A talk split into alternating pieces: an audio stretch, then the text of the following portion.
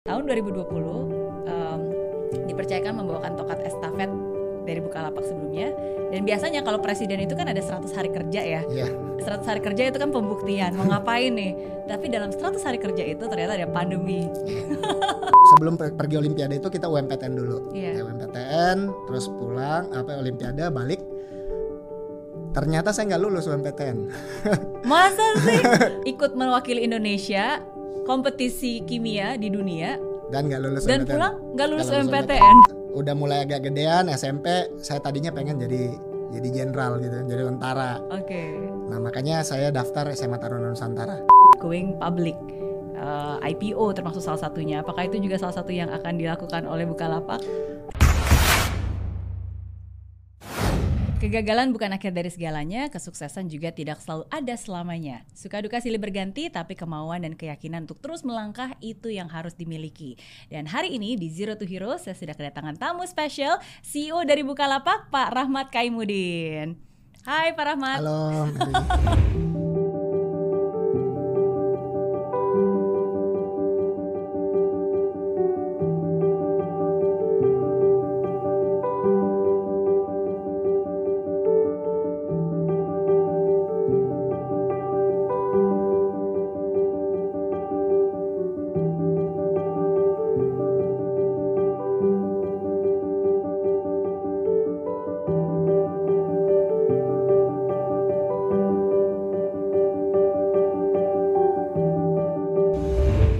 kasih sudah meluangkan waktu untuk datang ke sini. Sama-sama, our pleasure. Yes, CEO Bukalapak. Itu jabatan baru dari tahun lalu ya, Tahun 2020.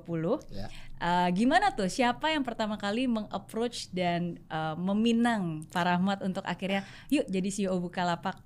Ya, jadi yang kontak pertama itu sebenarnya dari founders dan pemegang saham ya. Mhm.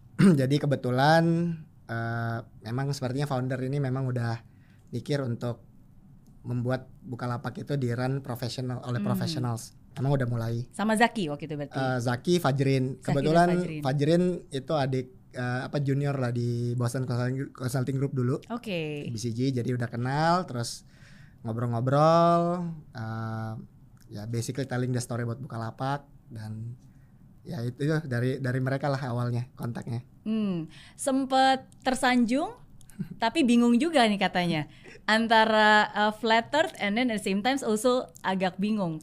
ya Bener nggak? pertamanya tentunya eh, ini ya eh, pertama yang ragu keraguannya adalah kayak bener nih gitu kan Hmm. kan eh, biasanya founder itu eh, kalau kita lihat di luar founders want to stay gitu ya Hmm. untuk eh, run the company make, eh, ini untuk eh, cukup lama gitu jadi pertamanya saya bilang serius nih gitu kan Hmm. intinya Eh, tapi after I discuss with them kata saya juga pikir kayak well ini buat saya tentunya saya tersanjung Bukalapak is adalah eh, perusahaan yang jarang ya Ya. unicorn teknologi is an iconic name gitu di Indonesian sector jadi Betul. buat saya it's uh, basically it's an honor and a privilege bahwa saya dikonsider untuk uh, lead this company Hmm, melanjutkan tongkat estafet dari absolutely Bukalapak yang sudah berkembang sangat pesat dalam 10 tahun. 10 tahun waktu itu Waktu ya itu ya, oke. Nah, tapi saya selalu percaya bahwa nggak ada yang kebetulan. Uh, kalau dari Pak Rahmat uh, sempat bilang bahwa sebenarnya berjodoh nih dengan Bukalapak, bener ya? Itu pernah saya bilang betul Tadi itu dengan Bukalapak. Oke, tapi kalau kita lihat berjodoh, berarti kita harus ngelihat dulu nih dari backgroundnya. Karena seperti saya bilang, sometimes kadang-kadang um, kalau kita nengok ke belakang dan kita bisa melihat, mungkin dari situ ada alasan, ada makna, ada serendipity yang membawa kita menjadi titik seperti kita sekarang. betul Iya. Coba kita pengen uh, kulik dulu nih um, latar belakang dari Pak Rahmat, uh, anak daerah, lahir di Makassar, yang punya cerita unik pada saat kecil dan juga remaja. Mungkin bisa diceritain nih, cita-cita kecil waktu itu seperti apa dan gimana perjalanannya? Ya, jadi kalau dilihat cita-cita ya mungkin berubah-ubah gitu kan. Hmm. Dari waktu masih kecil banget seperti biasa anak laki pengen jadi pilot gitu. Terus udah mulai agak gedean SMP, saya tadinya pengen jadi jadi jenderal gitu kan, jadi tentara. Oke. Nah, makanya saya daftar SMA Taruna Nusantara waktu Hmm. itu. Terus begitu di SMA TN eh, ketemu sama teman-teman semua, rasakan hidup bah, berasrama with a lot of you know very top students waktu itu di Indonesia ya. Saya Berarti jadi itu pindah ya dari Makassar ke Magelang. Dari dari jadi saya sampai lahir sampai SMP lulus SMP di Makassar habis hmm. itu merantau ke Magelang. Hmm. Ya tinggal di barak uh, dan di situ saya melihat bahwa sebenarnya mungkin talent saya itu lebih ke akademik gitu ya, hmm. uh, science dan sebagainya gitu kan bukan mungkin bukan untuk jadi tentara kayaknya padahal di sekolah tentara di sekolah tentara okay. jadi untuk yang kegiatan-kegiatan yang fisik uh, I enjoy it hmm. ya saya coba menjadi rata-rata lah ya nggak ketinggalan tapi ya nggak excellent di situ ya mungkin saya okay. talent saya malah yang menonjol di bidang akademik di akademik iya ya. Apa yang paling diingat dari kenangan selama di Taruna Nusantara? Waduh, banyak banget ya. Tapi yang paling berkesan itu adalah uh, saya jadi punya saudara hmm. dari 27 provinsi waktu itu Indonesia masih 27 provinsi 249 orang gitu okay. sama saya 250 so dan ini sampai sekarang kita masih keep in touch ya. Uh, saya ada grup WhatsApp isinya 200 lebih. Wow. Anak-anak TN. Brotherhood ya, Brotherhood. Jadi ini mahal banget yang yeah. kita punya sampai sekarang. Oke, okay. tapi ada satu um, pesan yang selalu ditanamkan ketika di Taruna Nusantara. Ya kalau di TN itu banyak banget sih ininya ya, doktrinnya gitu mm. ya. Hmm. Tapi di ujung-ujungnya itu uh, basically ada satu kata-kata intinya memberikan karya terbaik bagi bagi masyarakat bangsa negara dan dunia hmm. itu last sentence of uh, Tri Prasetya siswa SMA TN ya. Okay. nah jadi itu yang suka kita jadi kebayang ya jadi pengennya sih of course is very apa ya uh, itu kalimat berat banget kan yeah. memberikan karya terbaik bagi masyarakat bangsa negara dan dunia tapi berat untuk dilaksanakannya ya betul tapi dibilang-bilangin selama tiga tahun setiap minggu ya jadi kita jadi keinget-inget juga hmm. gitu. Nah, uh, ya dari situ kadang-kadang kita juga dalam dalam berusaha dalam bekerja ya itu jadi anak-anak TN itu coba kalau ketemu I know jadi have some friends juga anak TN pasti inget kalimat-kalimat itu kalau nggak inget berarti bukan TN sejati ya itu tesnya itu tesnya ya itu kata sandinya passwordnya oke okay. Iya. oke okay. um, dari Makassar akhirnya ke Magelang tiga tahun di sana berarti ya di Gembleng lah bener nggak Betul. ya lalu dari Magelang akhirnya terbang ke uh, Amerika Serikat. Itu Betul. gimana ceritanya? Ya, jadi ini ceritanya uh, awalnya sih sebenarnya kita punya cita-cita itu berkembang dengan uh, ini ya, dengan hidup gitu ya misalnya. Hmm. Awalnya saya pikir uh, oke okay, saya ini anak daerah, tahu diri lah ya, mungkin cita-cita saya nanti sekolah di Jawa gitu ya. Dalam perjalanan alhamdulillah di sekolah itu saya jadi juara kelas dan sebagainya sampai suatu ketika saya dapat kesempatan mewakili SMATN untuk kompetisi gitu kan uh, bahkan terakhir mewakili Indonesia hmm. jadi saya ikut uh, Olimpiade uh, Olimpiade kimia waktu itu okay. tahun 97 mewakili Indonesia ke Kanada nah dari situ jadi mimpi kita jadi lebih besar kan hmm. nah ya di situ walaupun niatnya sebenarnya simpel. Oke, saya pengen sekolah di Indonesia dulu, nanti deh S2 hmm. di di luar negeri gitu ya. Oh rencananya memang maksudnya kuliahnya S1 di Jakarta eh di Indonesia, di Indonesia dulu. Okay. Karena kebetulan saya punya kakak itu uh, lulusan salah satu sekolah teknik yang terbaik lah di di Indonesia. Di Indonesia. Saya pengen ngikutin dia aja lah gitu okay. kan. Uh, dia dulu SMA di Bandung, kuliah juga di Bandung. Hmm. Saya pengen oke okay, saya sekolah di Magelang nanti saya ikutlah ke Bandung gitu Lanjut atau ke mana ITB berarti ya, misalnya gitu ya. Nah, dalam begitu saya ikut uh, lomba olimpiade itu kebetulan saya dapat tawaran dari ada sahabat orang tua saya lah mm -hmm. gitu. Dia eh si Mamat ini juara kelas terus gitu ya. Terus ikut uh, sekolah internasional kalau kalau misalnya dia bisa masuk sekolah di luar negeri saya bayarin deh. Wow. Itu kan. Nah, Oke. Okay. Tapi waktu itu memang sudah apa ya udah selesai uh, ininya pendaftarannya kalau di US itu kan pada saat hmm. kita kelas 3 ya. Iya, iya. Nah, tahun ajarannya beda ya. Tahunnya beda. Betul. Nah, jadi dari situ saya pikir ada nanti aja lah itu dipikirin nih. nah, dilalahnya nih. Saya pulang, saya pulang dari olimpiade uh, eh, se- sebelum per- pergi Olimpiade itu kita UMPTN dulu. Iya. Ya, UMPTN, terus pulang apa Olimpiade balik. Ternyata saya nggak lulus UMPTN. Masa sih? Dari Sekolah Taruna Negara ikut mewakili Indonesia kompetisi kimia di dunia dan nggak lulus dan UMPTN. pulang nggak lulus Nggak UMPTN. Nah, itu takdir itu. nah itu ternyata kan saya pikir wah eh, kok bisa Kok gitu. bisa iya. Dan saya nggak punya cadangan apa-apa. Jadi Oke. waktu itu sangat meyakini gitu ya. Mungkin ini juga apa eh, pelajaran yang dari yang di atas. Karena saya sangat yakin eh, saya belajar dengan baik. eh, tesnya juga saya yakin saya eh, I did very well gitu kan. Iya. Jadi saya udah ini udah udah pasti udah lah. pasti gitu kan ceritanya. Barang-barang saya saya udah taruh di tempat kakak saya, tinggal datang ya, tinggal lihat pengumuman. Ternyata Iya. nggak lulus. Nah itu jadi rencana hidup saya jadi berantakan ya ceritanya. Wow. Nah, nah di situ saya dikasih tahu lagi sama eh, bapak itu kan kayak ya udah deh coba deh kamu eh, persiapan ke US. Hmm. Oke, gitu. Jadi saya ambil TOEFL, Hmm. SAT dan sebagainya ya dalam waktu itu. Sambil jalan saya juga nggak mau ngerepotin sebenarnya. Hmm.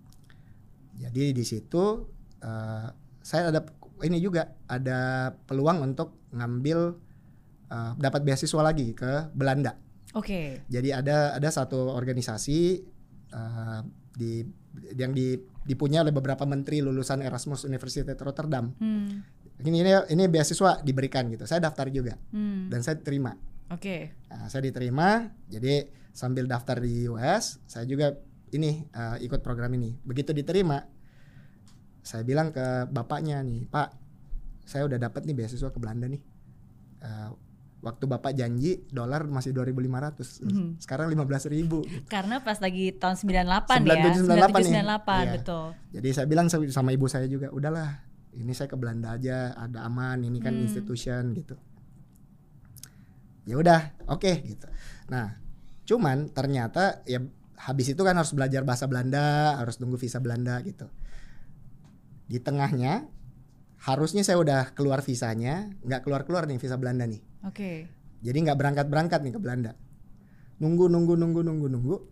Eh ternyata acceptance letter saya dari MIT keluar Wow. keluar kan terus dipanggil sama bapak yang mau sekolahin saya itu ini ada acceptance letter nih dari MIT nih Ehm, kayaknya sih anak Makassar yang pertama kamu nih yang masuk MIT mau pergi nggak Heeh.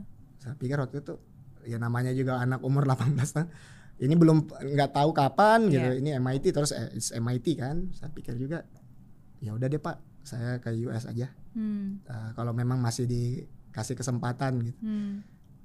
katanya ya udah pergi Hmm. terus besoknya visa Belanda saya keluar ini, ini juga namanya Emang tuh apa hidup tuh suka bercanda Iya. ya. Ini di selalu dikasih pilihan untuk mempertegas ini. betul jadi saya tuh apa ya jadi saya pada saat ke kantor yayasannya yang ke Belanda itu mau resign ceritanya Oke. saya datang pertama kali dikasih tahu sama administratornya adalah oke ini Rahmat ini paspormu Aha. ini tiket ini uang uang saku untuk pergi Iya. saya bilang oh I'm here to ini untuk Mundur.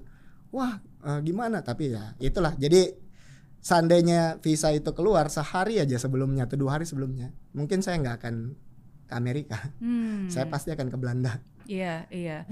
Tapi pada saat itu nggak tergoda tuh. Ini kan udah di depan mata, udah ada Ya. visa, udah ada uangnya, udah jadi, udah ada tiketnya, tinggal jalan. It's Ini- a sure win. Sedangkan yang satunya kan masih harus diproses lagi. betul Hmm. tapi waktu itu saya udah nggak bisa bi- bilang nggak dua kali kan Hmm. udah di masa udah pernah nolak habis itu ditawarin lagi Iya. jadi saya pikir eh, ya udah memang ini caranya untuk Hmm. dikasih tahu memang kamu harus ke sana kali Oke. Dan satu keputusan mengubah masa depan. Iya. Wow. Nggak, teri- nggak diterima di UMPTN tapi bisa diterima di MIT. Is the Ivy League one of the best uh, is actually is the best school uh, technology school in the world katanya katanya. ya lumayan kalau lihat rankingnya memang Lumayan ya. ya. Iya, berapa tahun berarti? Ambil jurusan apa? Saya di sana sekolah elektro. Oke. Uh, jadi kalau di MIT namanya Core 6 gitu. Jadi Oke. semuanya itu bilangnya jurusannya itu kalau di sana tuh pakai angka. Hmm. Jadi uh, Electrical Engineering and Computer Science itu Core 6. Oke. Uh, terus elektro itu 61. Hmm. Computer Science 63 gitu misalnya. Uh, jadi saya di sana uh, saya sekolah tiga tahun di sana. Iya. Eh, programnya kebetulan karena namanya dibayarin orang ya saya coba ngambil kelas lebih banyak ya biar lulus lebih cepat. Gitu. Iya, betul. Nggak mau membebani ya. At least kalau bisa lebih cepat, kenapa enggak? Oke. Betul. Berarti kita sama-sama teknik elektro nih. Iya. IC design, ya bikin-bikin barang-barang elektronik. Oke. Tapi dari situ nggak langsung balik ke Indonesia. Nggak. Kapan balik ke Indonesia dan kenapa akhirnya kembali ke Uh, Indonesia? jadi saya lulus tuh tahun 2001. Mhm. Ya, jadi tahun 2001 kalau melihat konteksnya uh, itu pada saat itu baru aja terjadi uh, dot com bubble burst ya di Indonesia. Nah, saya sebenarnya sangat beruntung juga gitu karena waktu itu bisa dapat kerja. Hmm. Uh, jadi karena waktu itu saya masih tingkat tiga, saya iseng-iseng daftar kerjaan, dapat. Uh, terus saya lihat kredit saya, oh saya bisa lulus nih tiga tahun. Hmm. Jadi saya sekalian lulusin gitu, saya, saya dapat kerjaan. Begitu begitu lulus beneran sebenarnya uh, dot com bubble burst ya. Hmm. Jadi banyak sekali perusahaan-perusahaan itu yang tadinya hiring nggak jadi hiring. Hmm. Tapi alhamdulillah kebetulan my company itu masih continue Oke. untuk hiring. Jadi ya udah saya pikir uh, bolehlah ya uh, ini kita lanjutkan. Kebetulan di Amerika itu boleh kerja satu tahun. Oke. Nah pak menggunakan visa student. Iya. Nah jadi dari situ saya uh, ambil gitu ya saya kerja di perusahaan yang buat uh, tester equipment ya um, sebagai hardware, hardware design engineer. Hmm. Yang yang menarik lagi sebenarnya di situ adalah hari kedua saya bekerja itu terjadi 9/11. Oh. ya jadi uh, apa ya sangat inilah ya sesuatu yang besar ya Sangat besar. di Amerika kebetulan saya di Boston juga itu kan pesawatnya salah satunya itu dari Boston Betul. nah da- dari situ em, proses jadi lebih berubah ya Hmm. untuk terutama untuk negara-negara yang mayoritas Muslim dan sebagainya nah setelah saya kerja di sana em, perusahaan saya itu mau sponsor visa kerja ya H1B ya kalau di Hmm. US cuman prosesnya itu harus balik ke Indonesia Hmm. jadi eh, ya udah saya juga pikir-pikir ya udah deh eh, coba balik ke Indonesia urus atau kalau enggak ya kita juga balik lagi ke Indonesia cita-cita saya selalu pengen balik ke Indonesia Oke. karena tadi ya memberikan karya terbaik buat masyarakat bangsa gitu Iya, doktrin yang udah masuk ke hati ya. Untuk pokoknya ada harus niatnya. balik. ada niat seperti itu tapi Iya. waktu, itu ya udah nih eh, mungkin bisa gitu kan dapat visa kerja di Hmm. US coba daftar dulu Hmm. Nah, ini juga satu hal juga yang serendipity juga ya. Dulu kalau belum 9/11, prosesnya itu cuma take one day Hmm. karena semuanya udah apa ya, beres gitu Iya, ya, udah dapat disponsor. sponsor segala macam. Betul. Tapi waktu itu prosesnya take longer time, harus balik lagi ke Washington DC, Homeland Security mungkin dan sebagainya.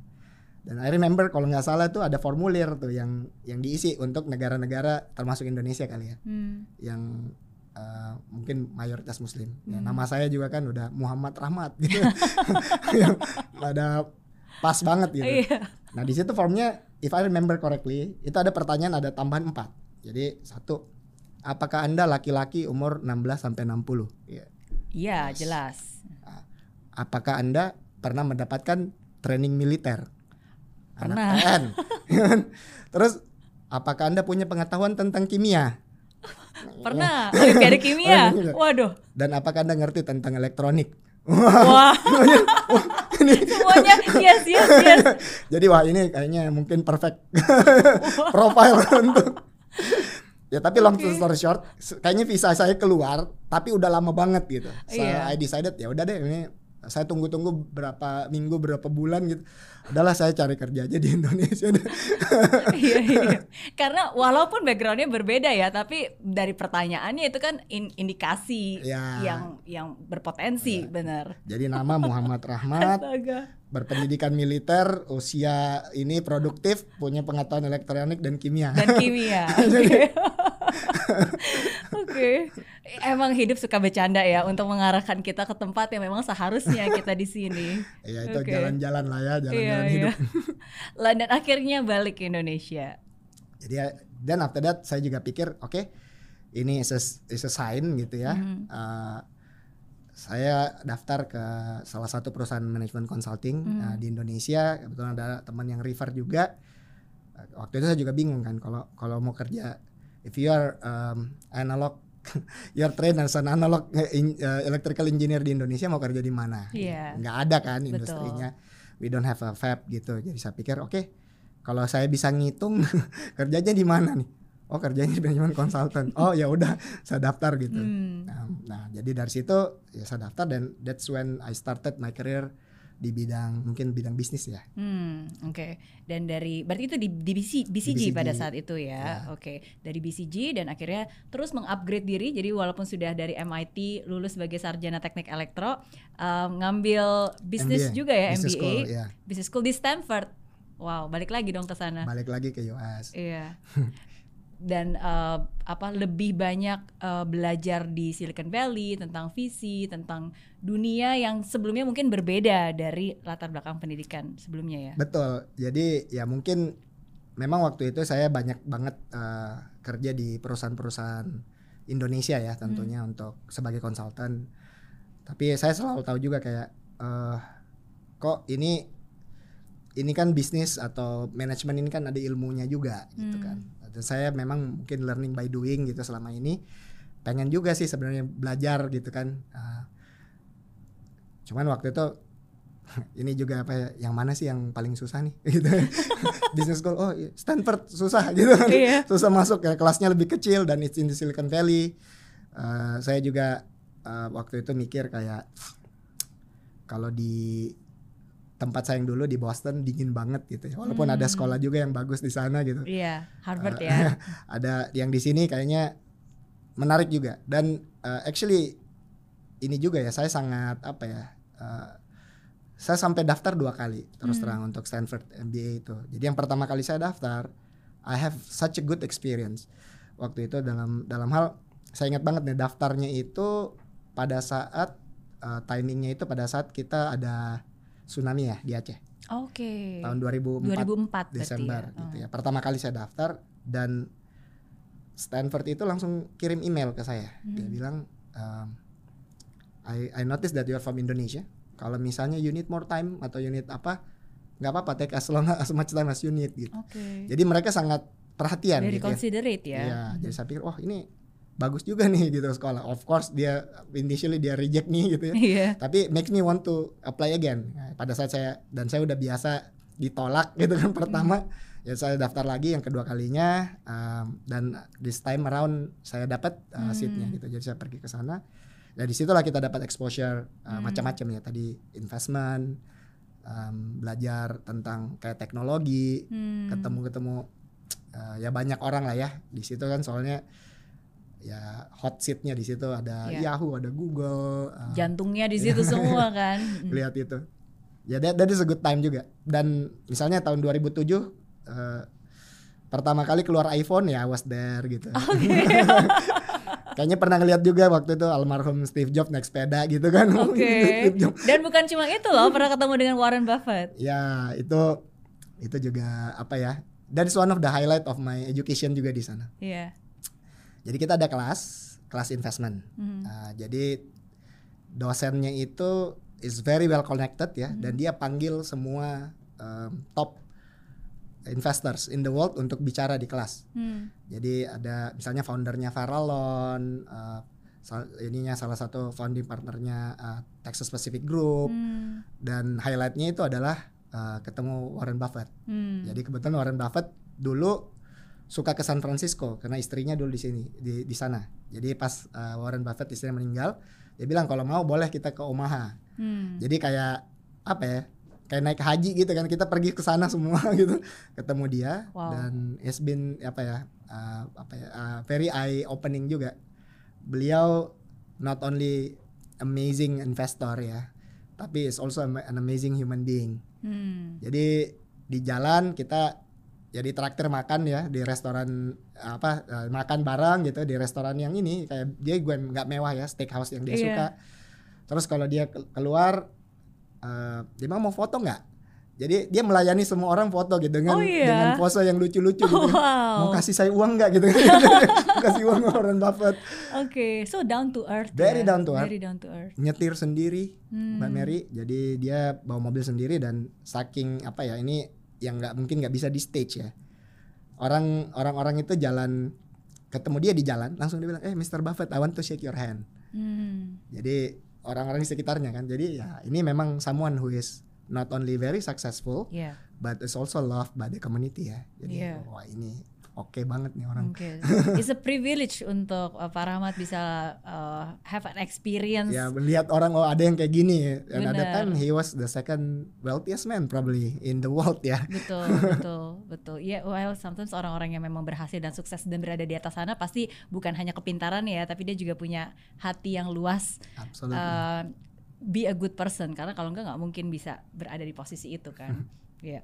Oke, berarti kalau kita lihat dari backgroundnya nih, udah mulai belajar uh, secara tidak langsung tentang dunia uh, teknologi, startup, bisnis di Silicon Valley. Padahal pada saat itu nggak pernah kepikiran untuk terjun ke dunia startup kan. Balik ke Indonesia pun juga sebenarnya di dunia perbankan Iya. di Bank Bukopin um, menjadi komisaris yang paling muda pada saat itu, bener gak? Iya kan? Dan jadi uh, direktur uh, Bank Bukopin. Iya. Mm-mm. Nah, kalau ceritanya memang ya mungkin angkatan-angkatan saya itu eh, pada saat kita balik ya, saya lulus dari business school itu tahun 2008. Mm.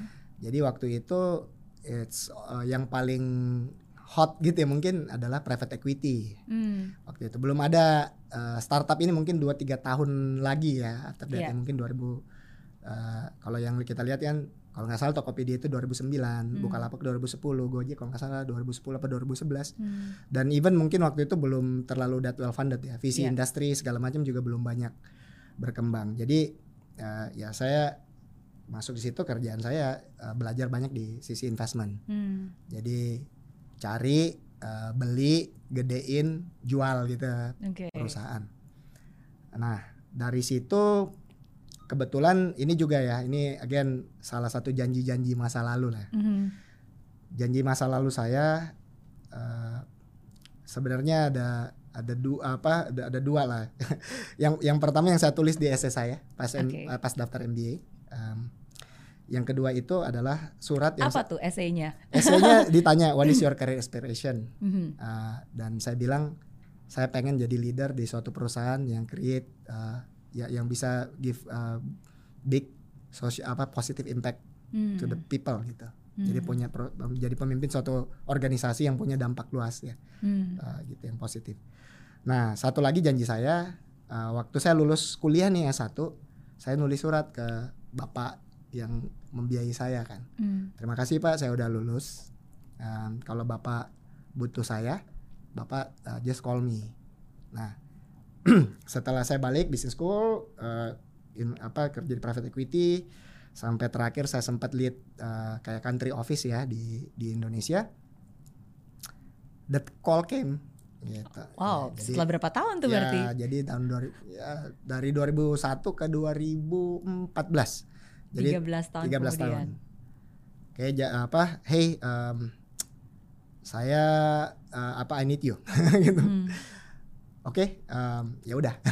Oke, langsung siap ya, ya, karena ya itu tadi ini janji kita kan. Iya. Um, I don't even remember. No, kalau mungkin beliau nggak nggak nyimpan lagi, nggak ingat lagi Mhm. uh, apa Suratnya. surat itu gitu kan. Tapi I remember writing it gitu kan. Hmm. Jadi saya pikir ya oke. uh, kebutuhannya apa? Dia bilang oke ini saya uh, but, mau beli suatu bank dan kita butuh inilah butuh kamu untuk ditaruh di situ gitu. Hmm. Nah, oke. uh, ya udah gitu kan. Saya I told my boss sorry ini this is something that I cannot say no to ya. So I'm, I'm resigning from my Yeah. post dan sebagainya gitu kan. Ya udah dan that's what I've been doing ya waktu itu sampai 2018. Hmm. Jadi saya diminta jadi komisaris, uh, kemudian juga bekerja di holding company. Hmm. Sambil jalan uh, kita juga ada apa ya? uh, ada tugas-tugas karena ini kebetulan konglomerasi ya, jadi ada Hmm. banyak perusahaan. Jadi ada waktu berapa tahun itu saya tiap hari itu bangun di tempat yang apa ya dalam seminggu bisa bangun di tempat dua atau tiga tempat yang berbeda gitu. Jadi hari Senin jadi komisaris bank, hari Selasa sampai Kamis di mau ke pabrik gitu kan. Hmm. Nah, karena ini kita punya pabrik.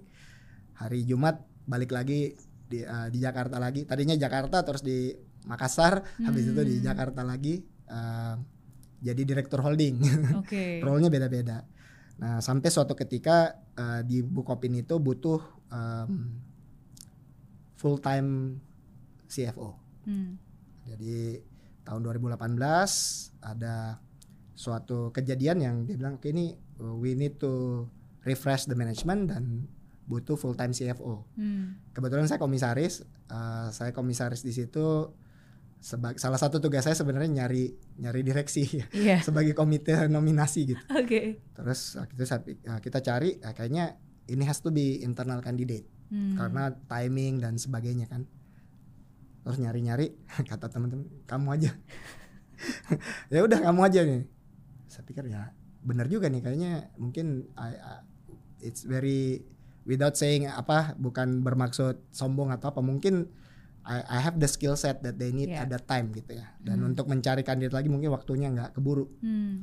So, saya bilang ya udah uh, saya uh, mungkin lebih optimal juga uh, it has to be full time role Hmm. jadi saya pindah full time dari family uh, kan, dari kantor situ ke Bang Bukopin Hmm. jadi direksi Iya. nah di dari situ ya Jadi nggak harus pindah-pindah ke mana-mana lagi kan?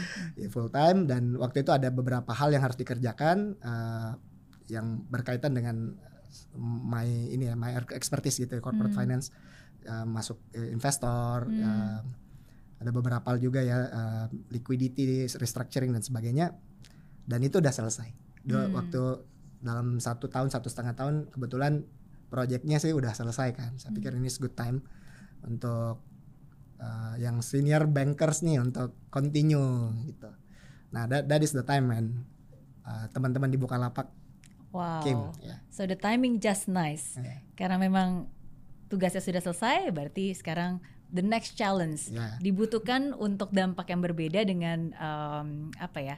Dengan dengan cara yang berbeda. Ma- makanya itu jodoh Jodoh. Karena- iya, tapi kita baru mengenal dan benar-benar mengerti yang namanya jodoh dan serendipity kalau kita benar-benar melihat apa yang sudah terjadi dan bagaimana hidup selalu mengarahkan sesuai dengan waktunya, ya indah pada waktunya dan memang tepat gitu semuanya. Iya. Iya, termasuk juga ini salah satu yang menurut saya is amazing sih. Tahun 2020 em, dipercayakan membawakan tokat estafet dari Bukalapak sebelumnya dan biasanya kalau presiden itu kan ada 100 hari kerja ya. Iya 100 hari kerja itu kan pembuktian mau ngapain nih. Tapi dalam 100 hari kerja itu ternyata ada pandemi. Iya.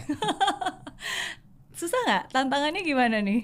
Ah ya ini basically apa ya? eh, kalau ditanya tantangan terberat mungkin ya ini ya Da- dari sisi dari sisi dampak ya. Iya. Jadi kebetulan eh, saya udah pernah menghadapi beberapa krisis ya dalam dalam perusahaan yang oke kalau kita terlambat dan sebagainya ini bisa bahaya gitu. Nah Hmm. eh, pandemi ini menariknya ya eh, adalah biasanya kan dampaknya itu ke perusahaan gitu kan atau eh, ke- apa ke karyawan it's very mikro ya. Hmm. Kalau yang yang di covid ini kan soalnya makro banget. Banget. Jadi ini merubah cara kita beker, ber- apa, bertindak berperilaku Hmm. ya, change everything gitu ya di pandemi. Jadi tentunya ini beda banget dengan what I was thinking tadinya masuk ke Bukalapak kan. Iya. Oke ini Udah ada rencana dong pastinya kan? ya kita baru mulai kan oke pertama ketemu stakeholders mikirin nanti uh, kita pertegas misinya segala macam segala macam uh, terus mau kerja mikirin nanti kayak misalnya fundraising plan seperti Hmm. apa dan sebagainya kan dan begitu masuk uh, be- uh, begitu terjadi ya prioritinya pertama adalah ya how can we make sure dua gitu satu teman-teman ini bisa uh, safe ya Hmm. karena ini kan masalah kesehatan ya Iya. jadi kalau kita bisnis as usual ya bisa jadi kena juga Iya. tapi gimana caranya juga eh, kita tahu juga nih dari pengalaman-pengalaman di beberapa tempat ya sebelum-sebelumnya di mana terjadi pandemi seperti ini eh, layanan eh, commerce lewat teknologi ya atau Hmm. e-commerce ini menjadi critical Iya. part of the society jadi kita nggak punya opsi untuk bilang eh teman-teman pandemi nih kalian cuti aja dulu atau kita uh, stop operating gitu kan Hmm. karena di satu sisi we need to make sure uh, all our employees itu bisa bekerja dengan uh, bi- bisa selama apa safe ya Sehat, betul. sehat tapi kita juga nggak bisa berhenti karena Iya. begitu berhenti dan orang mau dagang kayak gimana nih Betul. ya Dan juggling ini um, menjadi challenge gitu. Karena cara-cara mungkin cara kita beroperasi segala macam harus quickly kita uh, shift. Rubah gitu. ya. Hmm, Oke. Uh, tapi bagaimana atau apa yang dilakukan? You must be doing something right. Kenapa? Karena di tahun 2020 itu uh, ternyata juga mendapatkan increase growth 130% lebih. Kalau nggak salah ya, mungkin klarifikasi dari apa CEO-nya beneran, tapi pasti is growing, right? Pertumbuhan di tahun itu justru malah growing. Ya, jadi ada ada beberapa hal yang yang bisa kita syukuri. Yang pertama tadi dengan dengan cara memastikan uh, teman-teman kita, kolega-kolega kita bisa bekerja dengan tenang. Mm-hmm. So we uh, we make sure oke okay, kita work from home mm-hmm. uh, dan kita masukin beberapa infrastruktur lah ya supaya teman-teman bisa kerja dari rumah. Hmm. Kayak mungkin tadinya kita absen kayak begini harus rubah policy-policy semua kita rubah gitu hmm. gitu kan. Uh, di di Masuk accountability-nya ya pekerjaannya juga. cara cara check in, cara komunikasi dan sebagainya itu harus kita agree langsung gitu kan yeah. dengan cepat. Dan uh, fortunately ya memang manusia itu kalau diberikan trust ya Uh, dan assuming kita high right ya hmm. itu bisa gitu bisa jalan uh, so far kita udah satu setengah tahun um, kita punya working uh, ini juga kita buat hybrid aja hmm. jadi hybrid meaning kalian bisa kerja dari rumah kita semua bisa kerja dari rumah but uh, we open our office okay. untuk menjadi ya sanctuary lah kalau misalnya unit uh, misalnya oh lagi di rumah lagi berantakan gitu kan misalnya atau internet ganti lagi suasana. ganti suasana oke okay, dan kantor kita kita buka with health protocol uh, silakan gitu hmm. digunakan hmm. Uh, dan ya yeah, uh, so far it's been doing quite ini ya uh, lancar lah ya sudah satu setengah tahun ini nah di sisi lain memang kita juga ada dua hal nih yang kita syukuri ya hmm. yang pertama memang tadi karena banyak orang yang yang ini yang mulai berubah ya hmm. berubah behavior menjadi dia pengen stay at home. Oke. Okay. Jadi dia belanja online yeah. ya gitu. Nah ini comes with a challenge juga sebenarnya karena banyak orang yang tadinya belum belum properly onboarded lah istilahnya hmm. ya. Tapi tiba-tiba pakai sehingga uh, pakai jadi harus diedukasi dulu hmm. uh, dan sebagainya. Itu baik dari sisi pembeli.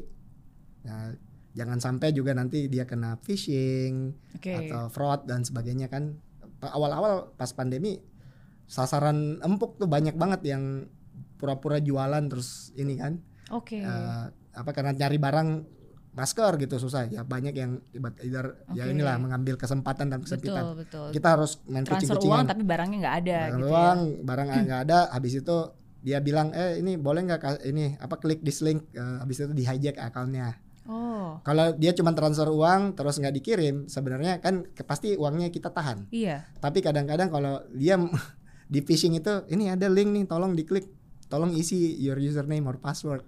Oh. Nah itu itu okay. biasanya menggunakan kesempatan untuk orang-orang yang mungkin not educated well untuk mengerti nggak bahwa biasa, ini nggak kan? biasa kan. Ya kan dia pikir oh ini ya ini mungkin kayak Kira begini ini caranya. Oke. Okay. Jadi kan kalau ya saya bilang kalau di bank kalau orang sampai nggak di Mbak Mary minta dong ATM-nya sama PIN-nya. Ya, You'll never give ya, nggak mungkin gitu. Betul. Tapi kalau di sini ada-ada aja yang kasih. Iya. Terus kalau misalnya terjadi apa-apa, tentunya dia komplainnya ke kita. Iya. Ya, which is fine. Jadi kita juga uh, do something di situ. Yang kedua ini dari sisi uh, apa ya uh, seller juga. Kita juga banyak banget mengedukasi karena banyak banget eh, orang-orang itu reluctant hmm. yang tadinya dia sangat comfortable jualan offline, hmm. mungkin sekarang harus jadi online kan. Hmm. Jadi ya ini ada tugas negara juga kan, uh, ini onboarding dan sebagainya. Kita suka kumpul yeah. pemain-pemain e-commerce, ayo kita training, educate, karena kita pengen mendigitalisasi. Hmm. Nah di Bukalapak hmm. ini sebenarnya yang yang kita juga uh, mungkin menarik ya adalah kita tuh punya another application, mitra Bukalapak. Hmm. Jadi bisnis model Bukalapak itu uh, bisa dibilang dua sisi ya. Okay. Jadi kita punya online marketplace buat teman-teman yang sudah comfortable transact online, hmm. tapi kita juga uh, membuat aplikasi untuk warung-warung uh, hmm. atau uh, bisnis-bisnis yang offline, hmm. di mana kita harapkan mereka bisa satu mereka bisnisnya sendiri bisa bertumbuh hmm. dan yang kedua mereka juga bisa melayani uh, teman-teman ini yang nggak nyaman bertransaksi online. Oke, okay. berarti ini uh, para warung-warung, terutama di kota-kota tier 2 Ya, jadi sebenarnya eh, di mana aja bisa. Mhm. Memang kebetulan Bukalapak itu eh, banyak di- digunakan di luar kota-kota yang tier 1 ya. Hmm. Jadi tier 2, tier 3 cities kebetulan eh, mungkin karena kita juga dari tier 2 cities ya founder-founder saya juga dari maybe ada sedikit itu. Jadi kita di Bukalapak itu sekitar 70% transaksi kita itu terjadi di luar tier 1. Oke. Eh, Tier 1 kita anggap itu lima kota besar di Indonesia. Apa tuh? Tier 1 berarti Jakarta, Jakarta. Surabaya, Bandung, Semarang, Medan. Oke. Itu di, di luar itu itu cuma cover 30%. Hmm. Sisanya 70 uh, di di luar itu. Oke. Dan ini agak beda dengan uh, e-commerce secara industri. Mhm. E-commerce secara industri kalau kita lihat survei data yang kita punya, 70%-nya itu dari lima ini. Hmm. Jadi memang mungkin karena bisnis model kita ya tadi kita fokuskan ke UMKM dan underserved uh, communities ya. Jadi Mitra Bukalapak ini adalah aplikasi buat warung Hmm. di mana mereka bisa satu uh, jual barang digital, Oke. listrik, pulsa, bayar pajak, bayar Oke. cicilan dan sebagainya. Ya mirip-mirip toko modern lah. Iya. Kalau di modern retailer kan kasirnya tuh bisa tuh melayani itu kan. Iya. Nah, ini Tapi juga sekarang di warung-warung di ya. warung juga bisa. Oke. Kemudian di aplikasi itu kita, dan kita juga bikin sistem uh, logistik uh, untuk barang-barang FMCG. Hmm. Jadi di aplikasi itu mereka bisa uh, pesan barang-barang FMCG yang di mana uh, kita udah kerjasamakan, kita koordinasikan dan kita negosiasikan buat mereka. Oke. Karena tadinya kan warung tuh kalau mau belanja ya dia kan mungkin ke pasar gitu Iya. ya. Mungkin harganya udah semi retail ya, close to retail. Iya. uh, karena dia belanja untuk satu warung. Hmm. Nah, tapi Bukalapak mungkin bisa negosiasikan untuk berjuta-juta warung kan. Oke. So we work together sama uh, principal, um, distributor dan sebagainya Iya. dan has, uh, kita buat uh, distribution centers uh, partner sama wholesaler-wholesaler di di daerah-daerah dan di- dia bisa antarkan ke situ. Jadi dia bisa pesan Dan harganya juga lebih murah lebih ya. baik. ya. Ini sangat mensolve sih karena sering kali kalau saya pergi ke daerah-daerah justru kadang-kadang harga barang di sana tuh lebih mahal daripada di kota besar. Padahal pendapatan mereka di sana kan jauh lebih kecil. Iya. Jadi jadi agak ironi sebenarnya harga sabun di sana sering kali lebih mahal daripada yang di Betul. kota. Heeh. Karena memang kan distribusinya sendiri, eh, tapi ya dan eh, tier-tiernya sendiri kan biasanya tiap tier itu pasti Hmm. ada apa ya, ada margin di dalamnya. Betul. Jadi kalau kita bisa eh, ibaratnya dengan data yang kita punya, dengan sistem, Hmm. ini kan bisa lebih kita bisa lebih atur lah ya supply Ya. chain-nya sehingga inefisiensinya itu bisa lebih sedikit, harganya lebih baik, Hmm. margin buat warungnya juga lebih baik. Ya. Hmm. Dan ini dalam pandemi terus terang jadi populer karena warung-warung itu nyaman kan. Saya juga cuman bisa, saya mau dagang di rumah Ya. eh, nggak usah keluar lagi ke pasar gitu.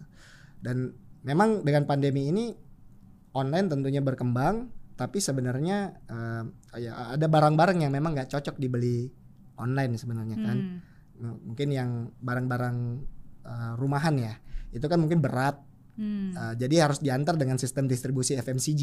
Oke. Nah, ya kita lihat juga sih sebenarnya orang mungkin tadinya mau belanja di mall Ya. atau di supermarket, ya sekarang dia belanjanya di toko neighborhood Oke. karena dia pengen in and out kan. Iya. Nah ini yang kita lihat. Uh, jadi growth kita satu dari e-commerce, uh, yang kedua juga dari mitra Bukalapak ini juga Hmm. tumbuh. Dan yang dengan pertumbuhan ini kita juga lihat bahwa uh, warung-warung ini di mitra Bukalapak itu bisa juga jadi macam-macam gitu ya. Misalnya di aplikasi itu bisa jadi agen uh, remittance. atau kirim uang. Kirim uang. Kebetulan kita kerjasama dengan salah satu bank uh, besar ya, Bank Iya. Mandiri partner kita. Dia uh, dengan skema agen laku pandai, sekarang uh, mitra Bukalapak bisa jadi agen uh, kirim uang Oke. misalnya. Terus uh, di aplikasi itu juga terkonek dengan aplikasi Bukalapak Hmm. yang online e-commerce. Jadi si warung-warung ini bisa jadi reseller or dropshipper untuk merchant-merchant pelapak-pelapak online. Iya, iya. Jadi ba- warung yang tadinya mungkin jualan tokonya misalnya nggak begitu besar, eh, mungkin SKU-nya tadinya cuman fisik 200 300 biji, sekarang sudah Jadi punya banyak digital, ya, betul.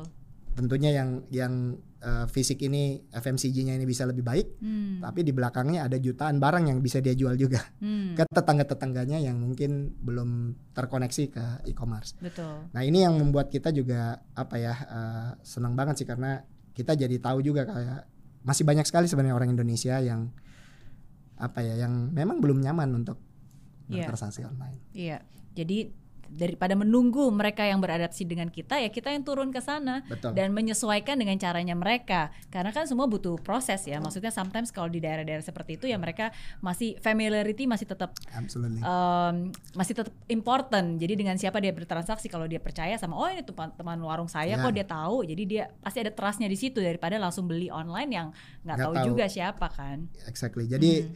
ya saya percaya orang itu akan belanja di tempat yang dia percaya dan dia dia percaya dan dia suka, oke ya kan. Um, jadi itu dua hal. Mungkin harga penting tapi kalau nggak percaya nggak suka mungkin orang juga nggak mau belanja di situ ya. benar-benar Dan kalau di online itu uh, sebenarnya kan ada dua hal yang harus terjadi. iya Dia harus digitally savvy, Hmm. nyaman menggunakan uh, mesinnya itu ya atau gadget Hmm. dan dia harus punya digital currency. Hmm.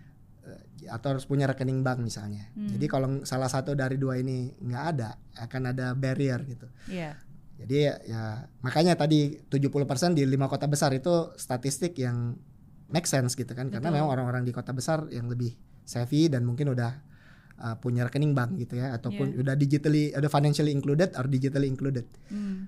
Kalau kita nunggu ya lama gitu dan regardless mau dikasih promo ke voucher, diskon segala macam mungkin kita malah apa ya mengsubsidi orang-orang yang sama gitu kan. iya Sementara kalau kita mau memperluas, kita punya impact ya dan we have to come to them betul with the apa ya infrastruktur yang mereka sangat nyaman. Hmm. Makanya kita bikin uh, kita maju ke warung ke ini mitra ya ke Mitra Bukalapak ini Iya. di mana kita udah tahu nih misalnya uh, warung Bang Mamat gitu dia udah tahu nih warung Bang Mamat Oke. tuh dari dulu udah di sini kalau dagang Iya, di iya. sini udah percaya uh, ya udah dia belanja di situ betul jadi bukan lagi e-commerce tapi sekarang menjadi all commerce that's what we said ya Bener kan? Iya. Dan kalau tadi berbicara tentang impact, saya jadi ingat kan ada dua janji masa muda yang harus dipenuhi. Yang pertama yang surat yang dibuat karena waktu itu sudah eh, mau apa sebagai ungkapan terima kasih ya kalau dibutuhkan dan itu sudah terselesaikan. Yang kedua adalah yang dituliskan di essay. ya What matters for you the most? apa yang mau dilakukan ya eh, untuk bisa berdampak besar. Bekerja di sebuah perusahaan, menjadi leader dari sebuah perusahaan eh, yang akhirnya bisa berdampak besar. yes nah itu makanya yang saya bilang juga ya uh, jodoh gitu ya di. Bukalapak jadi terus terang waktu saya tulis essay itu mindset saya quite simple ya bayangan saya mungkin nanti suatu ketika uh, saya akan kerja di government atau Hmm. kerja di state owned enterprise gitu ya Hmm. bayangan saya dan itu yang beberapa senior saya lakukan gitu kan di BCG juga ada beberapa yang pindah ke public sector or same uh, state owned gitu kan nah terus terang somehow saya belum jodoh nih Iya. selama ini tapi begitu waktu Bukalapak ka- came to me um, ya itu juga saya jadi ingat eh mungkin ini salah satu cara saya juga ya untuk memenuhi janji saya gitu karena saya tahu banget Bukalapak itu dari awal niatnya gimana caranya memberdayakan UMKM lewat Hmm. teknologi gitu bagaimana caranya bikin uh, orang UMKM ini naik kelas Iya. bagaimana caranya kita bisa melayani underserved uh, society underserved community Iya, men-serve the underserved, serving the underserved serving the underserved. Iya. Oke. Jadi ya dengan apa ya paling gam paling mungkin paling high impact itu kan kalau kita lihat untuk me- me- apa membuat suatu society prosperous itu kan adalah membuka akses commerce Hmm. ke mereka gitu ya. hmm. Jadi kalau kita lihat all, all the center of commerce di dunia kan maju ya karena dia punya akses terhadap commerce itu dan akses itu unfortunately memang nggak nggak apa ya masih banyak yang belum bisa menikmati yang sama gitu kan. Hmm. Nah ini yang kita coba coba bangun lah di Bukalapak. Oke. Em, masih banyak hal yang dilakukan seperti yang kayak uh, Pak Rahmat bilang ya. Sebenarnya kalau kita turun ke bawah, karena memang DNA-nya Bukalapak tuh is very local. You understand the market yang yang memang yang tadi Indonesia itu kan bukan hanya uh, lima kota besar yang kalau di uh, pada umumnya mungkin men-serve 70% resultnya dari situ, tapi justru ya how you can actually serve the underserved yang ada di bawah justru kan. Uh, apa sih tantangan tantangan terbesar untuk ke sana? Ya jadi kalau kita lihat sebenarnya um, mungkin kita sih ya dalam perjalanan Bukalapak ini salah satu hal yang menjadi apa ya uh, challenge itu adalah ber, menceritakan cerita ini gitu. Okay. Karena kalau kita cerita teknologi uh, kadang-kadang ada temptation gitu ya untuk mm. you have to be very big uh, you have to uh, dominate the market uh, hmm. and raise a uh, lot of money gitu kan. Hmm. Ada ada kayak patternnya kan. Sementara uh, kalau kita ngelihat ya of course kita mau gede. Ya, hmm. Of course kita juga mau uh, punya bisnis yang sustainable gitu kan. Hmm. Tapi di sisi lain kita juga the way we see it is that kita pengen makin banyak kita melayani uh, customer kita and if we can ensure that they do well mm. then we automatically will do well mm. karena ibaratnya kese, apa kesuksesan kita itu bergantung dengan kesejahteraan mereka gitu ya yeah. ya itu itu kadang-kadang yang mungkin slightly different ya dengan uh, apa kadang kadang-kadang ada yang bilang ya basically you have to uh, apa uh, win the you have to win the end user hmm. ya kan So get the end user. Kalau kita di Bukalapak kita bayangan kita adalah if we we get this um, merchants, mm. we get these merchants and we make them do well, mm. kita bisa kasih mereka tools, cara dan sebagainya, hubungan kita akan lebih sticky. Mm.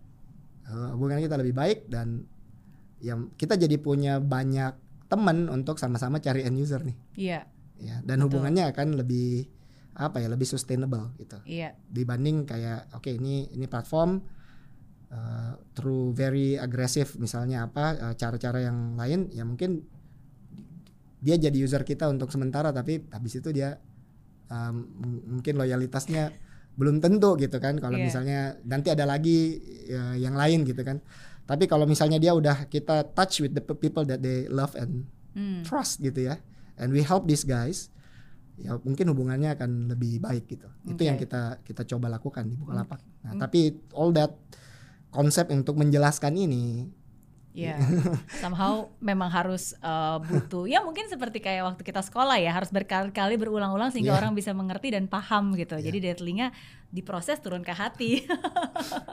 Karena bisnis is not just about transactions kan, yeah. tapi kan ada ya ya macam-macam lah dari relationship, ada trust dan, dan seterusnya. Oke. Okay. Hmm. Kalau dilihat dari growth-nya kan 2020, sekarang 2021 dan kalau kita melihat dengan uh, contohnya unicorn-unicorn lain yang ada di Indonesia, if you want to go bigger, berdampak lebih besar, merich out kan lebih besar, uh, salah satu caranya nih sebenarnya bukan hanya raise fund tapi by going public uh, eh, IPO termasuk salah satunya. Apakah itu juga salah satu yang akan dilakukan oleh Bukalapak? Jadi kalau kita ngelihatnya sih ya, uh, Bukalapak itu akan selalu mencari cara supaya kita bisa tumbuh berkembang, ya, uh, melayani customer kita dengan baik dan tentunya ya butuh modal, butuh support dan sebagainya uh, juga dengan baik ya kita sih open minded ya open minded kalau untuk eh, hal-hal uh, seperti itu mungkin nanti kita minta support aja dan doa aja. Semoga kita dikasih yang terbaik buat buka lapak amin amin. Pasti selalu uh, ada waktunya ya pasti. Yang paling penting sekarang ya fokus ke mitra. Yang tadi mengubah bukan hanya e-commerce tapi menjadi all commerce dan yang paling penting ya sekarang memake sure bahwa mitra-mitra ini benar-benar bisa merasakan manfaatnya. Dan at least mereka juga bisa bergerak. Yeah. Karena kalau nggak ada yang menggerakkan mereka ya ini juga akan menghancurkan semua ekosistem yang ada di Indonesia kan. Ya hmm. ini ya tadi kita perlu uh, kita perlu support gitu kan. Hmm. Jadi tadi keberpihakan uh, tadi, mungkin warung-warung ini mungkin salah satu yang paling agak ketinggalan ya selama beberapa tahun terakhir yeah. ya. Kalau kita cerita e-commerce, online marketplace kan udah cukup udah lama ya 11 12 tahun hmm. dilayanin. Nah, mungkin dari retailing juga cukup banyak ya. Mm -hmm. a lot of infrastructure effort udah dibuat di situ. Food delivery juga sekarang maju gitu-gitu kan. Ya mungkin warung ini bisa dibilang uh, just recently. Mm. Kita aja di Bukalapak mungkin sebagai salah satu pioneer itu mulainya 2016 2017. Mm. Dibanding e-commerce kita kan yang mulai dari 2010 ya.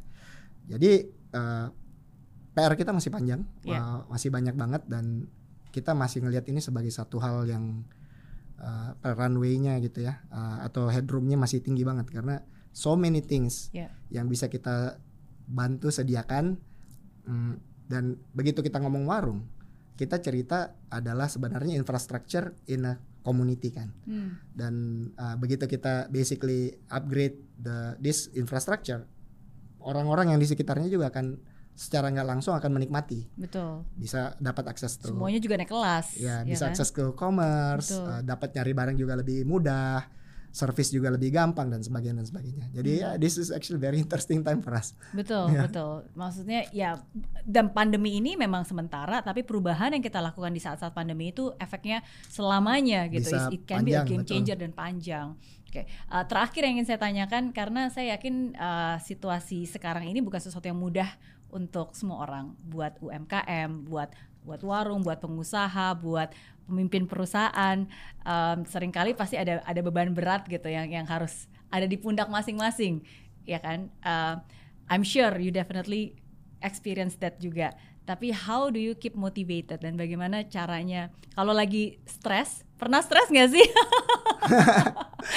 Kalau lagi stres, gimana caranya untuk tetap bisa uh, optimis, bangkit lagi, coba lagi? Mhm. Iya ya. Jadi ada beberapa hal ya eh, mungkin bisa dilakukan kalau Hmm. saya. Yang pertama eh, satu hal mungkin yang intrinsik ya di di diri sendiri ya tentunya kita harus coba balance. Hmm. Karena kan stresor itu bisa juga karena mungkin kurang tidur, Hmm. makannya juga nggak benar atau kurang olahraga dan sebagainya. So itu yang harus kita maintain, eh, make sure that kita keep healthy.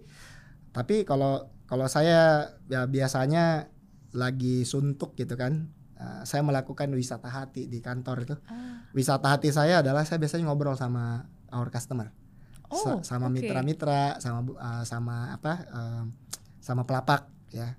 Dan seneng aja, ya, walaupun sometimes mereka komplain gitu atau mereka butuh ini butuh itu. Tapi buat saya kalau mereka ngomong berarti kan mereka peduli terhadap Hmm. kita. That uh, when they say something means that we are relevant for them and they want us to be better kan, Hmm. dia lebih baik.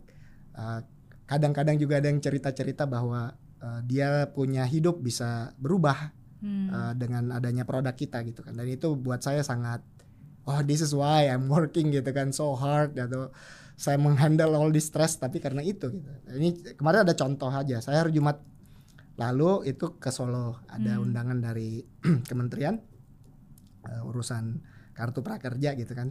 Kebetulan ada satu satu agenda jadi nggak jadi gitu Hmm. uh, karena COVID. Saya oke, ini ada satu pelapak kita, uh, mitra kita uh, yang kita sempat ngobrol offline. Saya main dong ke ininya, Oh, berkunjung saya main ke warungnya, gitu. warungnya. Ya saya akhirnya end up uh, ngobrol sama uh, beliau satu setengah jam. Dia cerita kisahnya, ini kisahnya sangat mengharukan lah ya. Jadi dia awalnya pengusaha warung, uh, bang- membangun, udah lumayan lengkap, tiba-tiba warungnya kebakaran, Oh. habis. Mhm.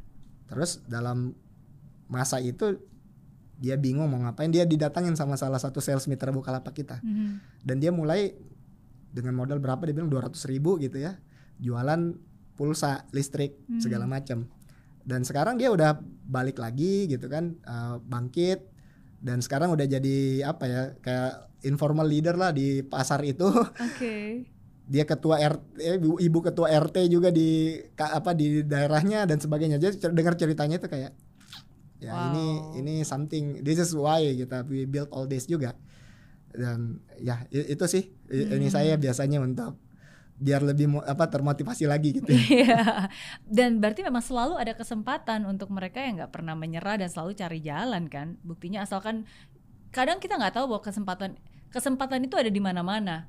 ya Eh, kesempatan itu terbuka. Cuma kadang-kadang pikiran kita aja yang nggak terbuka untuk menerima kesempatan itu. absolutely dan kita di sini uh, ada untuk itu Hmm. Jadi saya kemarin lihat nih ada anak-anak bikin video ya, eh, video buat mitra Bukalapak dan ada quote-nya yang saya kalau dengar itu jadi oh ini bener bagus banget nih. Mhm.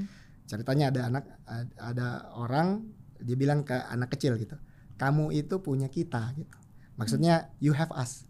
Oke. Ya, you have Bukalapak nih ya. Bukalapak pengen jadi tempat ya tadi kalau misalnya mau dagang nggak usah mikir lagi kayak oke nanti nyari barang di mana mau Hmm. dagang apa gitu um, you can as long as you have access to sinyal. Kalau HP boleh pinjem Oke. asal ada sinyal then you can start business. Iya. ya mau online atau mau jadi mitra uh, it's up to you gitu kan. Oke. mau jadi agen kirim uang mau apa. Dan of course kita nggak bisa mendikte orang itu mau usaha apa. Karena manusia itu kan sangat apa ya dinamis sangat kreatif. Dia tahu di daerah situ yang cocok apa. Hmm. tapi what we can do is we can help them improve uh, lewat teknologi yang kita buat Hmm. dia can be more dan apa uh, bisa lebih baik lagi lebih cepat lagi lebih bisa dapat uh, bisnis yang lebih besar lagi dan sebagainya Hmm. dan ini kita ya mitra bukalapak itu salah dan of course on uh, pelapak juga banyak banget kisah-kisah seperti itu ya. Hmm. Ya, kayak kita sempat sampel-sampel juga oh pelapak banyak yang profitnya tiba-tiba naik jadi tiga kali gitu kan Wow. jadi ya like oh ini jadi it's, it's becoming very real gitu Iya. ya bukan hanya kita bikin-bikin gitu kan Iya. ini um, ya ini is our apa ya our cross gitu to bear ya basically ini something yang buat kita privilege buat Bukalapak uh, untuk berada di posisi ini Hmm. um, membantu uh, menyediakan teknologi supaya UMKM tadi bisa lebih baik lagi bisa naik kelas Hmm. To serve the underserved. Yes. Melayani orang-orang yang selama ini s- kurang, dilayani. kurang terlayani Oke. That's very nice. Thank you sekali lagi sudah berbagi kisah, berbagi inspirasi, uh, berbagi ide, berbagi harapan. Wow, banyak banyak banget sebenarnya yang saya sendiri pun juga belajar banyak dan saya percaya bahwa ya di hidup ini gak ada yang kebetulan sih. Apa pun juga yang kita lakukan, ya asalkan kita lakukan dengan sungguh-sungguh, ya itu pasti akan membawa kita ke suatu tempat yang lebih baik lagi dan yang kita lakukan itu juga pasti akan berdampak dan meninggalkan jejak. Ya, itulah yang sudah dilakukan oleh seorang Mamat katanya ya, yang sebenarnya Pak Rahmat yang sekarang sudah menjadi CEO dari Bukalapak. Thank you it's a pleasure Sama-sama. Thank you sekali lagi buat Pak Rahmat Kaimudin yang sudah berbagi. Eh, setiap orang pasti punya cerita dan setiap cerita membawa pelajaran berharga. Semoga cerita dari Pak Rahmat hari ini bisa membawa pelajaran berharga buat Anda semua. Apa pun yang terjadi, fight till the end and never give up.